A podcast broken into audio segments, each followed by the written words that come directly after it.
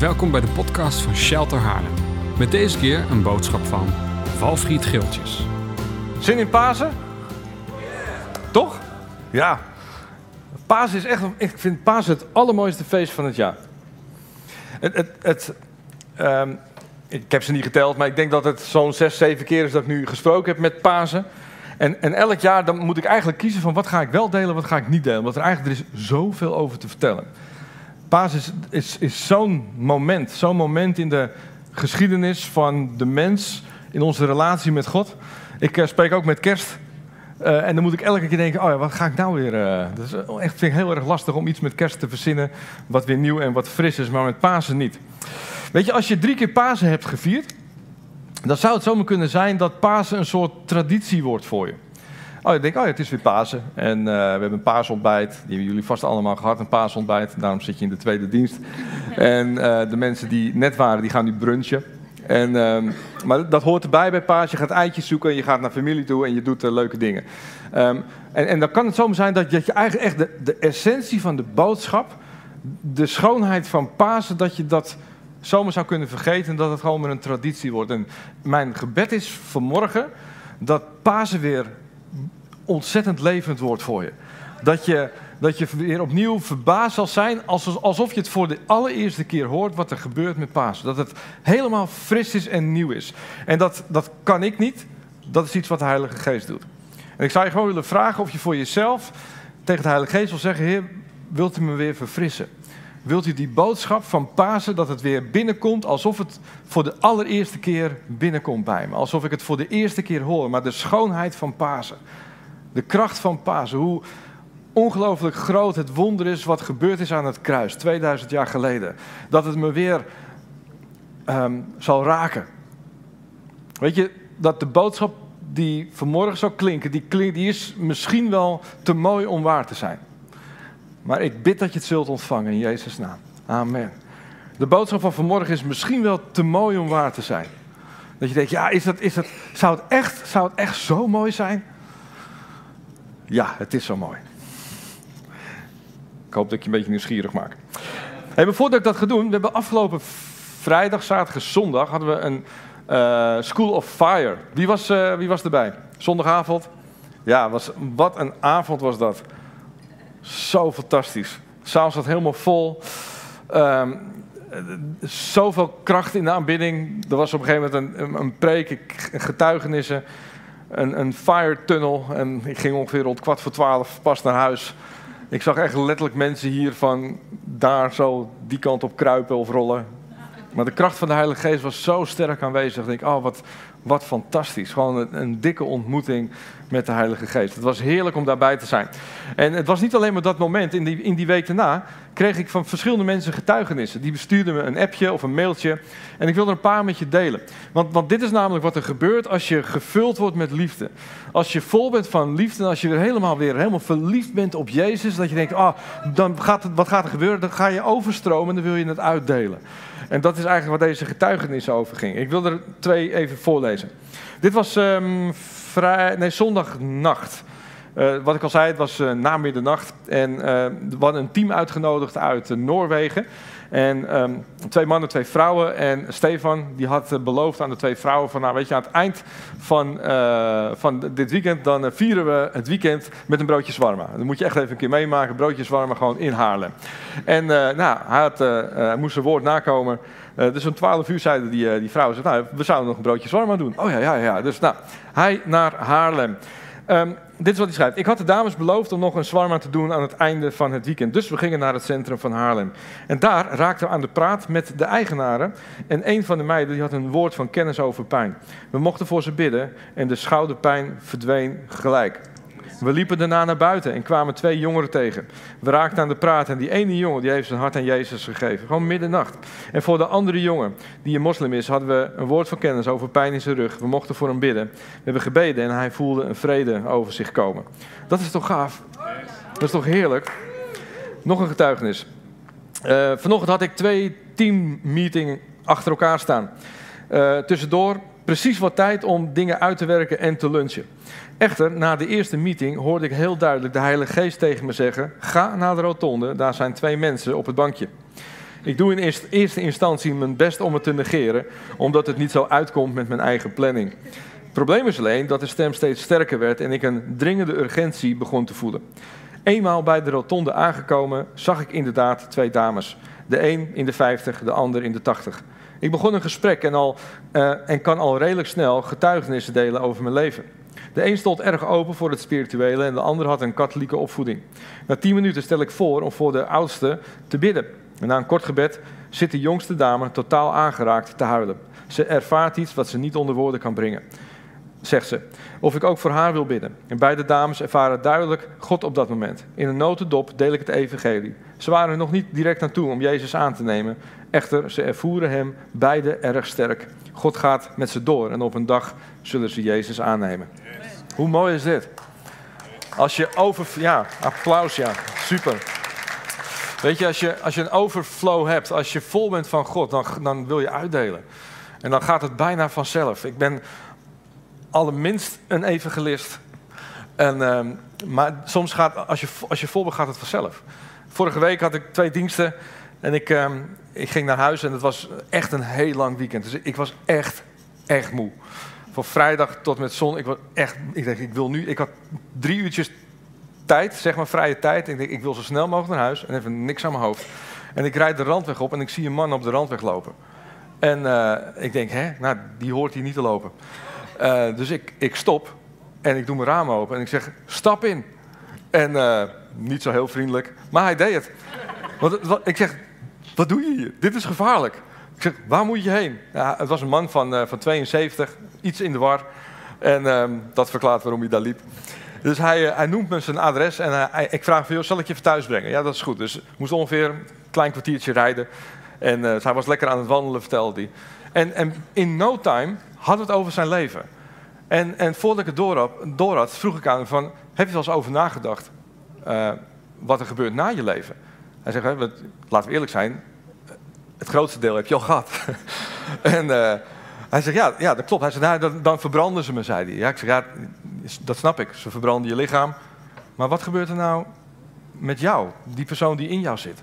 Hij zei, hoe bedoel je?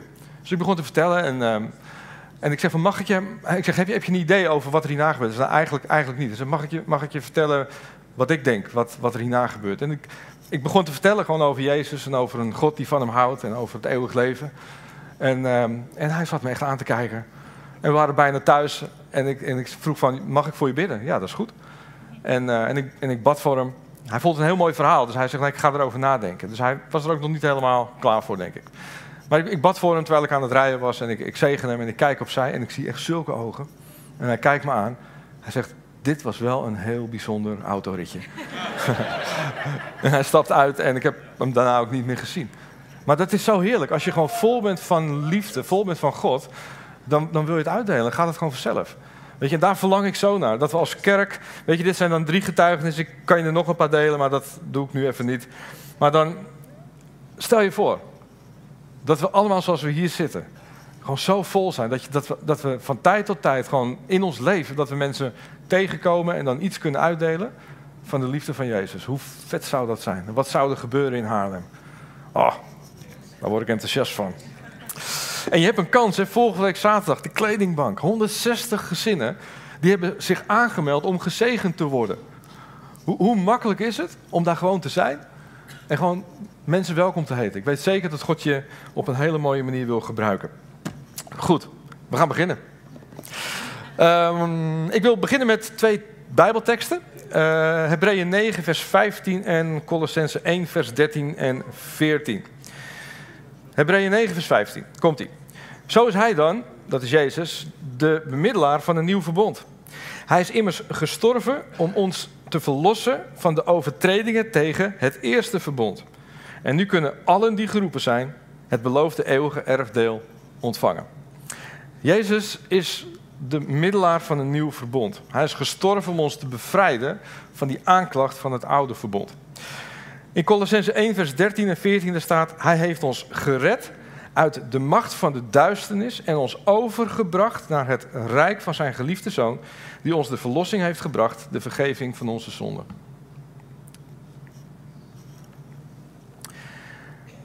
Jezus is opgestaan en hij is de middelaar van een nieuw verbond. Hij is opgestaan, gestorven en opgestaan. Hij is de middelaar van een nieuw verbond. Op het moment dat Jezus stierf en opstond, was het een uitnodiging voor het Joodse volk om het oude achter zich te laten en in te stappen in het nieuwe. Hij wilde ze overbrengen, zoals Colossens al zegt, hij wilde ze overbrengen van het oude naar het nieuwe.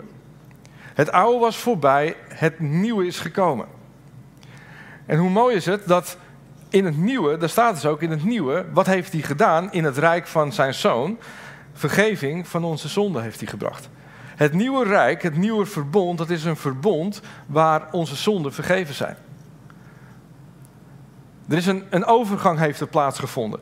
En een verbond is eigenlijk een, een afspraak tussen God en de mens over hoe zij zich met elkaar verhouden. Dus hoe zij omgaan met elkaar. Wat zijn zeg maar de spelregels van onze relatie? Zo zou je het kunnen zien. Het is nog geen spel, maar dan snap je even wat ik bedoel. Maar de spelregels van het oude verbond die waren heel anders dan de spelregels van het nieuwe verbond. En Jezus die zegt eigenlijk dat oude dat is afgesloten en ik nodig je uit om deel te nemen aan het nieuwe verbond met nieuwe spelregels. En dat nieuwe verbond dat is een verbond waar zonde vergeven is. Op de eerste plaats aan de Joden. Waarom? Want het was Jezus de Joodse Messias, de lang verwachte Messias, de koning van de Joden. Maar gelukkig staat er ook, nu kunnen allen die geroepen zijn, dus ook jij en ik, die beloofde eeuwige erfdeel ontvangen. Dus Pasen, de boodschap van Pasen, dat is een boodschap voor ons allemaal. Voor elk mens op aarde. Voor elk mens op aarde doet Jezus diezelfde uitnodiging. Laat het oude achter je en stap in het nieuwe. En dat is wat we vieren met Pasen.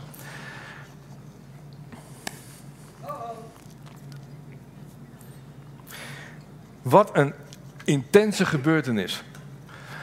Dat de manier waarop God omgaat met mensen, dat het compleet veranderde. Radicaal, compleet veranderen. En weet je wat zo mooi is? Dat zoals wij hier nu zitten, wij hebben nooit geleefd onder het oude verbond. Niemand van ons.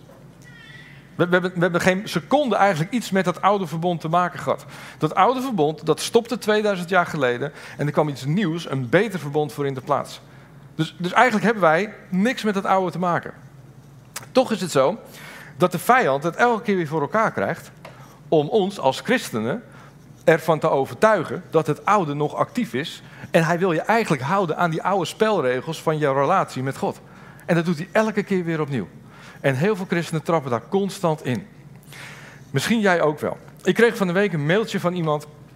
En zij vertelde, of zij schreef iets, wat dit heel treffend aangeeft. En ik, ik, ik, uh, ik las het en denk van ja, precies, precies dit. Zij omschrijft het ontzettend mooi. Ik zal het je voorlezen. Ze zegt, vorige week zei ik tegen God dat ik een, in een soort visueuze cirkel zat en daaruit wilde komen. Ik kreeg flashbacks van zonde waar ik al lang voor vergeven ben. Die kwamen me lastig vallen met het gevolg dat ik me zondig voel in plaats van heilig. En dan neem ik automatisch afstand van God omdat ik Hem niet verdien. Ik weet dat het niet zo werkt, maar ik kwam niet uit deze cirkel. Irritant, schrijft ze met een uitroepteken. Nou, dat is zeker irritant. Herken je het? Heb je het, heb je het wel eens meegemaakt dat je ook zo dacht? Misschien moet je ook maar even zeggen, irritant is dat. Ja, dat is behoorlijk irritant. Eigenlijk wat er gebeurt is dat de vijand je elke keer wil zeggen: hey, weet je nog? Hij, hij wijst je op het oude verbond. Want voor de vijand is dat oude verbond een veel beter verbond dan het nieuwe verbond. Want hij wil zeggen: joh, hou je daaraan. Maar we hebben er niets mee te maken. Het is 2000 jaar geleden afgesloten. Ik vermoed dat heel wat christenen zich wel kunnen vinden van tijd tot tijd in datgene wat deze vrouw schrijft. Het gevoel van niet goed genoeg zijn. Het gevoel van uh, je kan er nog een tandje bij doen. Het gevoel van ah, uh, er zit zonde in de weg. Het gevoel van er is afstand tussen jou en God. Wat ik geloof vandaag, en dat zag ik ook in de eerste dienst, dat God vrijheid wil geven. Hij wil kettingen van je afgooien. Hij wil je vrijmaken van die aanklacht. Hij wil je weer opnieuw laten beseffen hoe rijk het is om te leven in dat nieuwe verbond wat Jezus kwam brengen. Hij wil je opnieuw weer laten beseffen wat het betekent om Pasen te vieren. Wat het betekent toen Jezus aan het kruis ging en weer opstond voor jou. En aan het einde van de preek zal ik vragen of je merkt dat de Heilige Geest in jou bezig is. En dat gaat hij doen, dat weet ik zeker. Dat zag ik in de eerste dienst ook. En, dat, en hoe merk je dat? er kan van alles in je denken plaatsvinden, maar je kunt het ook van binnen voelen: hey, God is, met iets, is iets aan het doen. En dan zou het zomaar eens jouw dag kunnen zijn dat je in één keer snapt wat het betekent om te leven in vrijheid. Wat het betekent om, te om volledig vrij te leven. Het geldt ook voor jou. Ik zie dat je knikt en ik geloof dat God je gewoon nu al aanraakt, omdat het een boodschap is ja, voor jou. Ja, dat het een boodschap is voor jou vanmorgen. En dat je vrijheid mag ontvangen op een manier die je nog nooit hebt meegemaakt. En misschien dat je denkt, ja, zou dit, dit is toch te mooi om waar te zijn. En ik wil je zegenen dat je het zult ontvangen vandaag in Jezus' naam. Dank u, Vader. Dank u, Jezus. Laten we. Ja, kijk. Um, dit was even de inleiding. Dit was even de inleiding. Ik ben, ik ben, ik ben. Weet je, ik ben, ik ben niet zo enthousiast. En dan denk ik, ah, mijn, mijn neiging is om heel hard te gaan werken om je te overtuigen hoe mooi het is. Maar ik weet dat het niet zo niet werkt. Het, het is niet mijn enthousiasme, het is de kracht van de Heilige Geest die dingen openbaart. Dus ik kan lekker achteroverleunen en gewoon mijn verhaal voorlezen. En dan word je geraakt door de boodschap die de Heilige Geest in je hart legt. Weet je, wat kan gebeuren is op het moment dat wij ons zo voelen zoals deze vrouw schrijft, dat we die aanklacht voelen, dat we denken dat we niet goed genoeg zijn, dan zouden we ons heel makkelijk kunnen identificeren met de woorden van Jezus, zijn laatste woorden aan het kruis. En die wil ik je voorlezen, Matthäus 27, vers 45. Even een slok.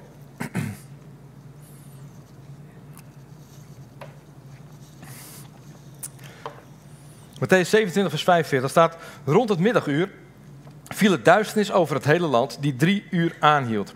En aan het einde daarvan, in het negende uur, gaf Jezus een schreeuw en hij liep uit: Eli, Eli, lema sabachthani.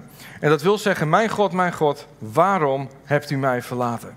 Jezus hangt aan het kruis en hij lijdt en hij roept: Mijn God, mijn God, Waarom heeft u mij eh, verlaten? Het is, een, het is een uitroep van pijn, het is een uitroep van verdriet, van verlatenheid en van eenzaamheid. Het gevoel dat hij alleen is gelaten. En, en heel wat mensen die identificeren zich hiermee. En, en die hebben een idee dat als, als God de Vader, eh, ergens zit dat in ons onderbewustzijn, als God de Vader Jezus in de steek liet, op het moment dat het moeilijk is, wie ben ik dan dat hij altijd bij me blijft? Hoe kan ik er dan zeker van zijn dat God altijd bij me blijft op de diepste momenten van mijn leven? Als God de Vader Jezus al de rug toekeert, zijn eigen zoon. We kunnen ons vergelijken met de woorden van Jezus. Of herkennen in die woorden van Jezus. Mijn God, mijn God, waarom heeft u mij verlaten? Ik voel me eenzaam. Maar we moeten goed kijken, wat gebeurt er op dat moment dat Jezus dit uitspreekt? Is het alleen maar een uitspraak van Jezus van wanhoop, van verdriet en van pijn? Maar Jezus doet iets anders. Jezus doet iets anders. Jezus die noemt de eerste paar woorden van Psalm 22. Dat kun je, straks gaan we er even naar kijken. Maar hij begint, Psalm 22 begint met mijn God, mijn God, waarom heeft u mij verlaten? En Psalm 22, dat is een bijzondere psalm. Dat is een messiaanse profetische psalm. Wat wil dat zeggen? Dat is een psalm die eigenlijk al een profetische boodschap weergeeft van de Messias die zou komen. En dat was in die tijd van Jezus waren dit soort psalmen super populair. Waarom? Want de Joden die hunkerden naar de Messias. Ze waren al jaren aan het wachten, wanneer komt die beloofde Messias nou? Dus een beetje Jood, die kende deze psalmen uit zijn hoofd. Dit was zeg maar de top 4 van de, van de meest populaire liederen in de tijd van Jezus. Dus op het moment dat Jezus de eerste zinnen noemt, herkenden de Joden Psalm 22 direct. Dat is hetzelfde als dat ik tegen jou zeg. Uh, Even kijken.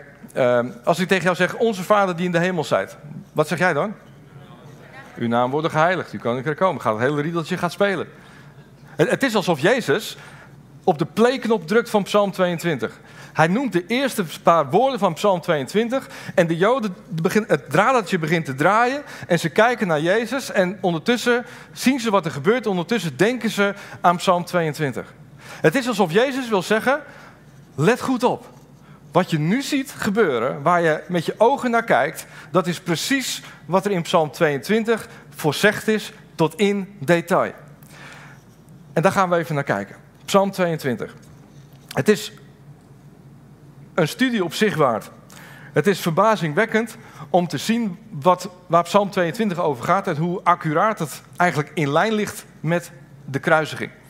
Ik ga je een paar voorbeelden geven. In, bijvoorbeeld in vers 7 en 9 van Psalm 22. Daar staat, maar ik ben een worm en geen mens, door iedereen versmaad, bij het volk veracht. Allen die mij zien, zij bespotten mij. Zij schudden meewarig het hoofd. Wend je tot de Heer, roepen ze me toe. Laat Hij je maar verlossen. Laat Hij je bevrijden. Hij houdt toch van je? Wat staat er in Marcus 15? Tijdens de kruisiging, Marcus 15, vers 19, daar staat de voorbijgangers die keken hoofdschuddend toe en dreven de spot met hem. Ach, kijk hem nu toch eens, jij die de tempel afbreekt en in drie dagen weer opbouwt. Red jezelf toch door van het kruis af te komen. En ook de hoge priesters en de schriftgeleerden die maakten onder elkaar zulke spottende opmerkingen. Anderen heeft hij gered, maar zichzelf redden, dat kan hij niet. Laat die Messias, de koning van Israël, nu maar van het kruis afkomen. Zie je de overeenkomst?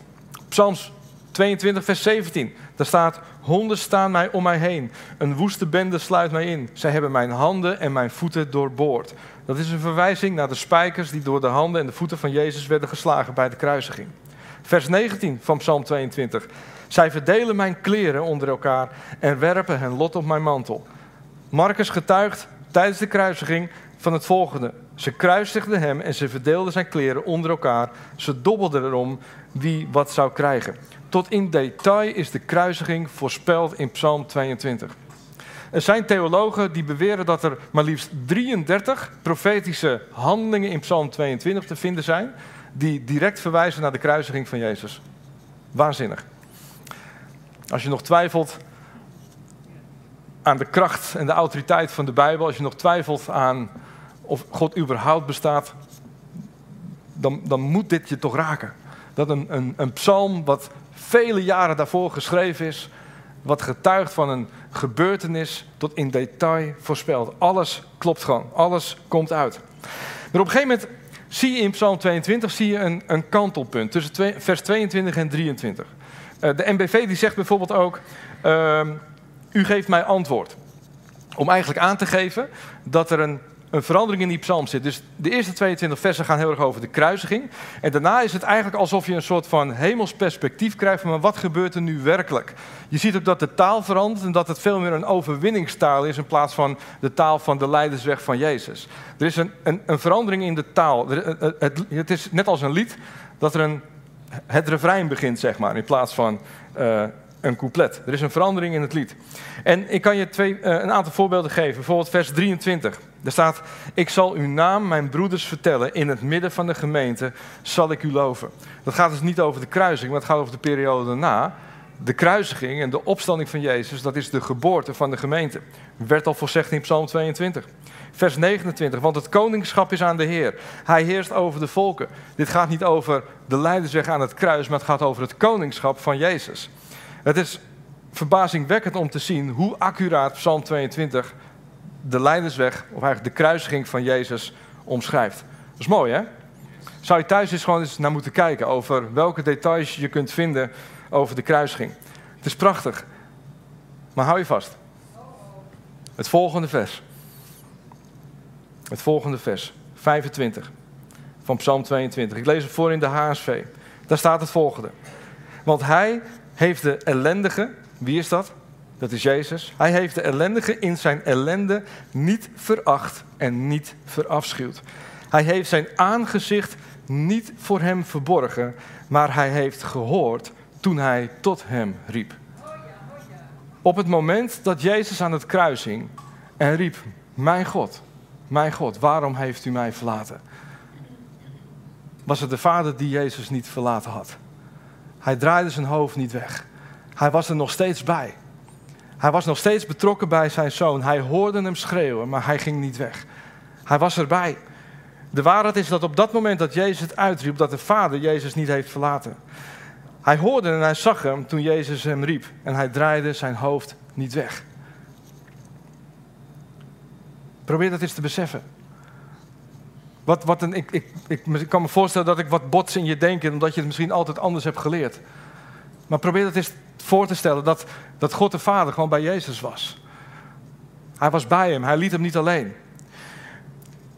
Weet je, de leugen die in ons denken kan zitten, is dat als de Vader zijn eigen zoon zou verlaten, waarom zou hij dan mij de rug toekeren? Maar de waarheid is, God heeft Jezus niet verlaten en in het nieuwe verbond zal hij ook jou nooit verlaten. Dat is de rijkdom van het nieuwe verbond. Het rijkdom van het nieuwe verbond is dat er geen moment in je leven is dat je niet verbonden kunt zijn met God. Nooit. Nooit niet. Dat klinkt bijna te mooi om waar te zijn. En ik bid dat die waarheid gewoon in je door zal dringen. Dat je beseft hoe rijk het is wat Jezus voor ons heeft gedaan. Pasen is een uitnodiging voor jou en voor mij om deel te nemen aan dat nieuwe verbond. Het is een uitnodiging om te zeggen, ik heb iets veel beters. Ik heb iets veel mooiers, iets veel rijkers. Het nieuwe verbond waar zonde is vergeven en waar je altijd verbonden bent met de Vader.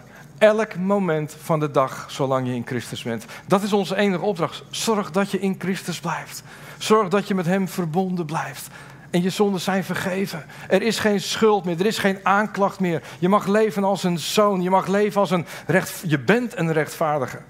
Dat is zo mega krachtig. Ik weet dat sommigen een andere uitleg geven. Sommigen zeggen van ja, maar weet je, Jezus droeg de zonde van de wereld. En dat was zo duister en dat was zo slecht. Dat God de Vader, die zo heilig is, dat niet aan kon zien en zijn gezicht moest keren. Ik vraag me af of dat waar is. Want wat, wat, zegt, wat zegt Jezus over zichzelf? Hij zegt over zichzelf dat als je de Vader wil kennen, wat moet je dan doen? Dan moet je naar Hem kijken. Hij, hij zegt, als je wil weten wie de Vader is, kijk dan naar mij. Want als je mij hebt gezien, dan heb je de Vader gezien. Met andere woorden, Jezus is eigenlijk de perfecte theologie. Jezus is eigenlijk het volmaakte beeld van de Vader. En is er één moment in het leven van Jezus te vinden dat hij zijn rug toekeert naar zonde? No way. Integendeel. Jezus zocht het juist op. Hij ging met beide ogen ging hij het aan. Hij liep er niet voor weg. Zo van, oeh, jij bent, jij bent te duister, dat kan ik niet aan. Nee, Jezus ging altijd naar die zondags toe. Alleen al te kijken naar Jezus, dat laat ons zien hoe de Vader is. Jezus, de Vader en de Heilige Geest, die vormen een volmaakte eenheid met z'n drieën. Een volmaakte eenheid. Een eenheid die niet uit elkaar te krijgen is. Ik hoop dat je dat gelooft.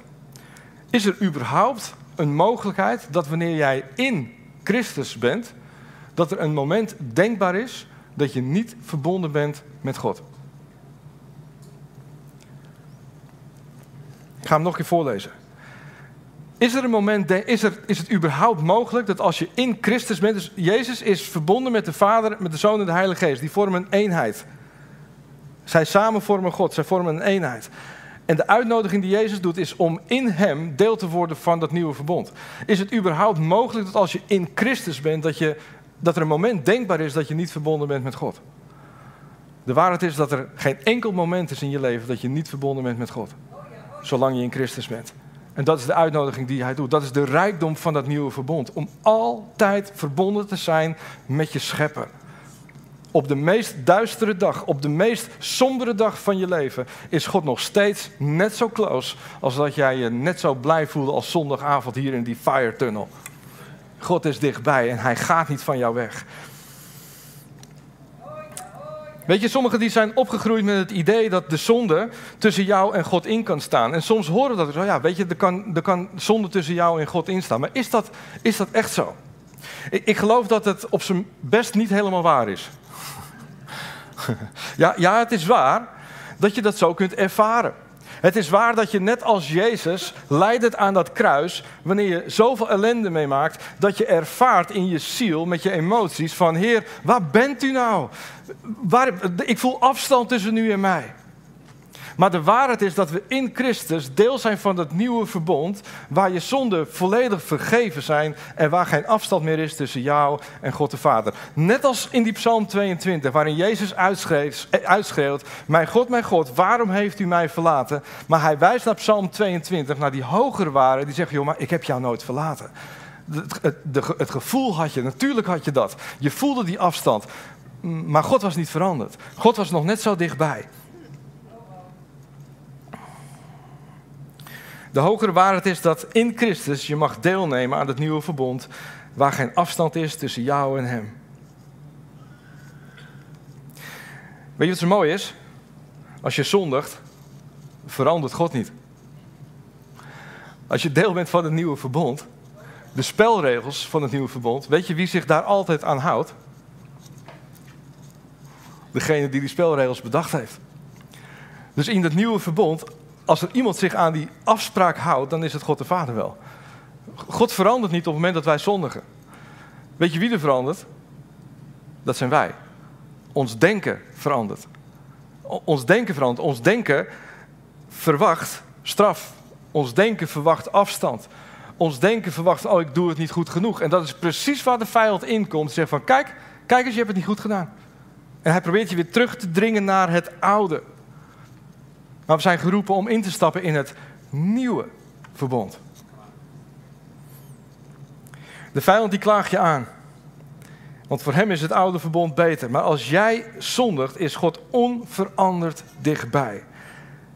En hij keert zijn blik niet van je af. Klinkt bijna te mooi waard zijn, hè? Ik word, dit, geeft, dit geeft zoveel vrijheid.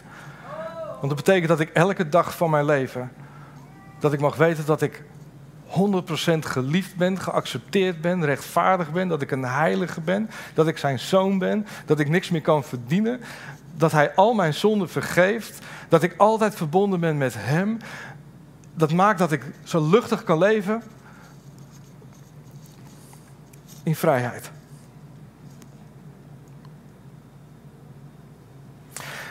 Ja, maar is vergeving vragen dan niet meer nodig? Ja, natuurlijk wel. Want vergeving vragen, in elke relatie vragen we vergeving aan elkaar, toch? Als je weet dat je iets niet goed hebt gedaan, wat zeg je dan? Zeg je sorry, spijt me. Wil je me vergeven? Elke gezonde relatie vraagt vergeving aan elkaar. Dat is maar goed ook. Dat is met God ook zo, maar God is niet veranderd. Ons denken is veranderd. Is bekering dan niet meer nodig? Ja, natuurlijk is bekering wel nodig. Wat is bekering? Bekering betekent het vernieuwen van je denken. Dus elke keer als ik weer denk dat ik in dat oude systeem zit, dat ik het niet goed heb gedaan. Elke keer als ik ben gaan geloven dat ik zonde nodig heb om me prettig te voelen. Daar moet ik me van, dat zijn gedachten die niet waar zijn. Dus ik moet me daarvan bekeren en ik mag op, ervoor kiezen om weer anders te denken van nou nee, ik, ben, ik heb me weer vergist. Ik ben, de waarheid is dat ik deel ben van een nieuw verbond waarin ik 100% vergeven ben en waar geen, eh, geen, af, geen afstand is tussen God en mij. Ik ben volledig geliefd. En dus mag ik mijn denken weer vernieuwen. En als ik dat doe, dan zie ik ook, joh, ik heb die oude troep, die zonde, die heb ik helemaal niet meer nodig. Die heb ik niet nodig om me prettig te voelen, want God geeft iets veel mooiers. Waarom zou ik überhaupt nog snoepen van die troep als God me het meest gezonde voedsel geeft?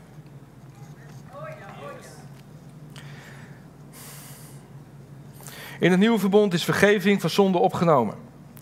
En er is geen afstand tussen jou en God.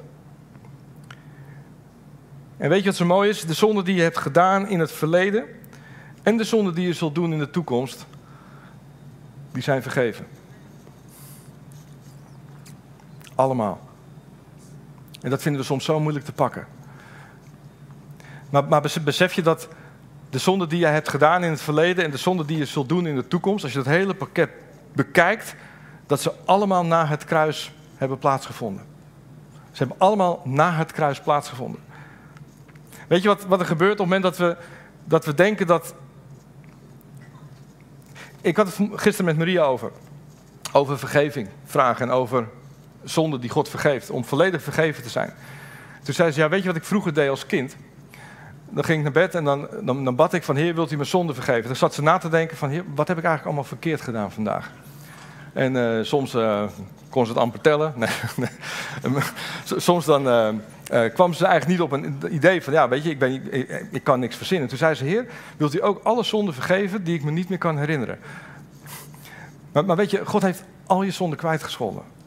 Het is volbracht, zei hij. Alles is weg. Alles is weg. Ook de zonden waar je nog nooit vergeving voor hebt gevraagd. En ook al die zonden waarvan je niet eens bewust bent dat je ze hebt gedaan. Want dat kan ook nog. Dat jij denkt dat je het fantastisch hebt gedaan. Maar God zegt.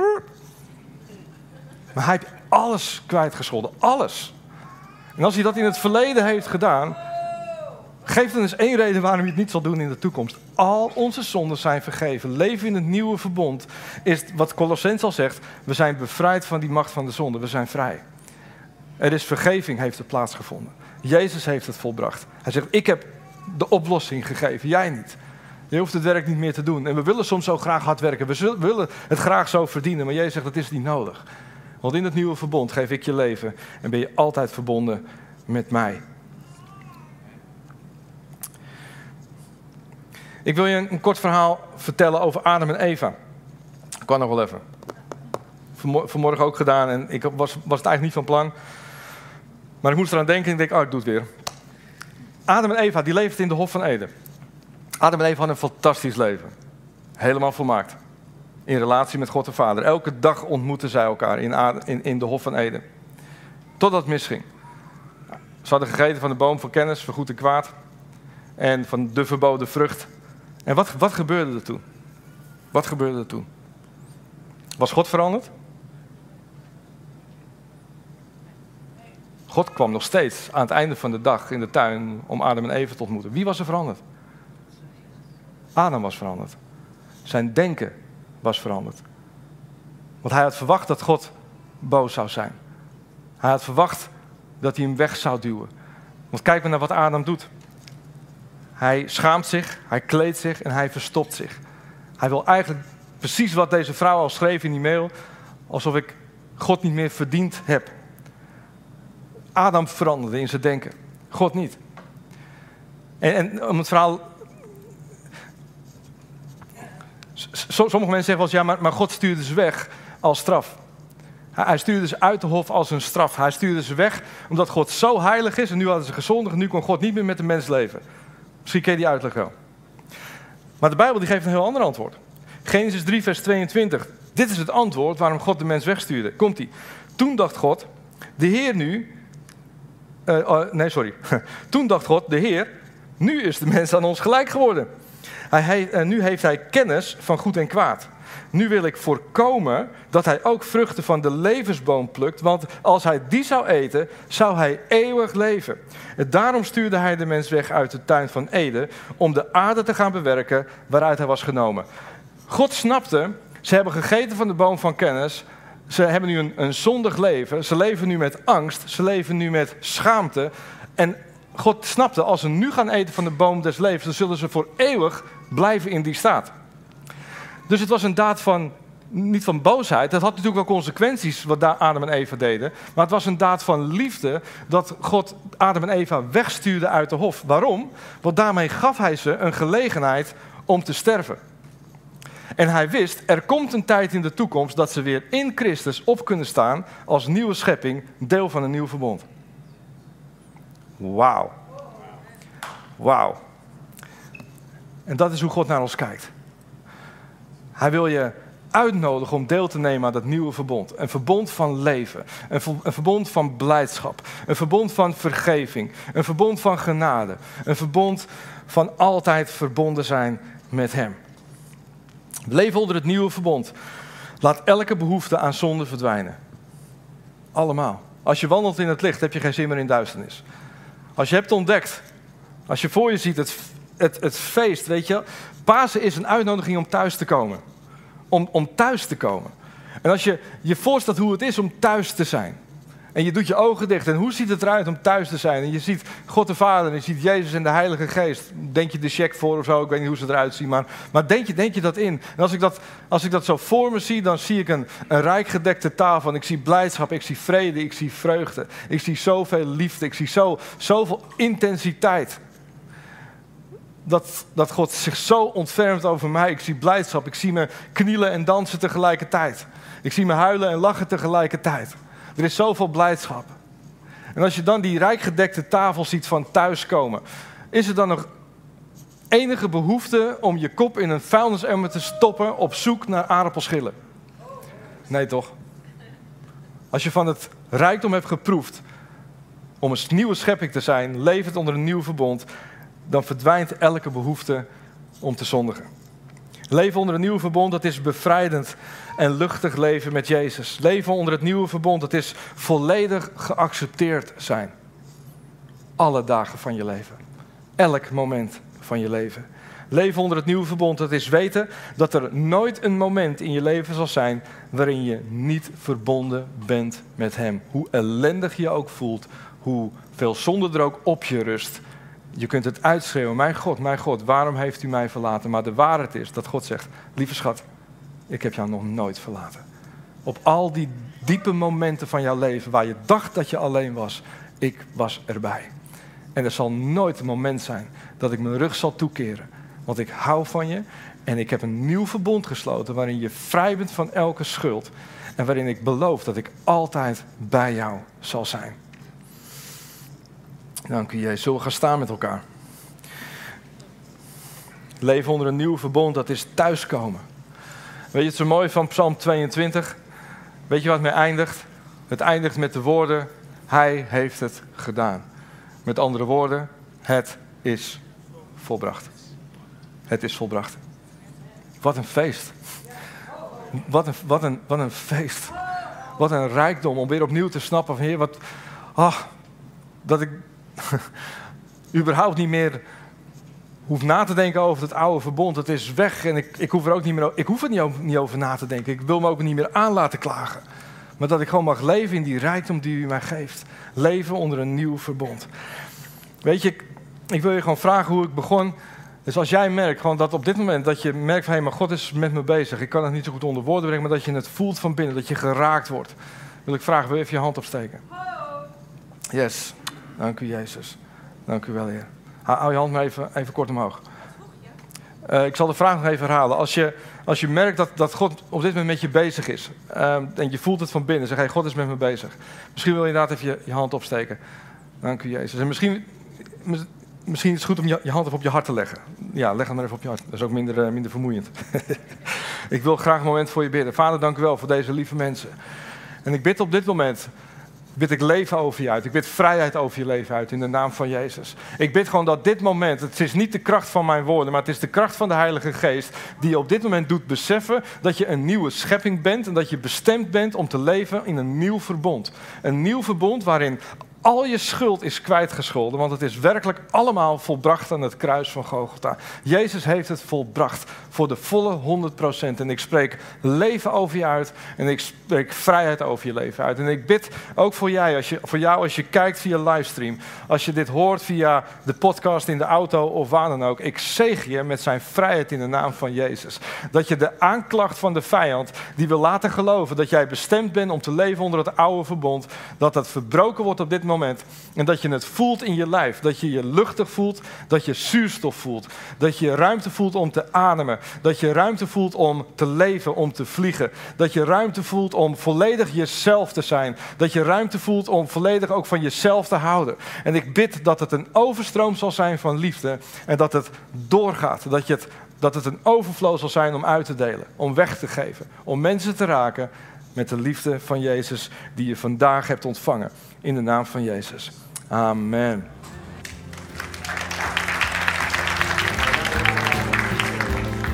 Dank voor het luisteren naar onze wekelijkse podcast.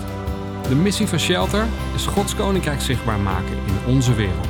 Wil je onze gemeente financieel ondersteunen in deze missie? Ga dan naar www.shelter-haarlem.nl geven.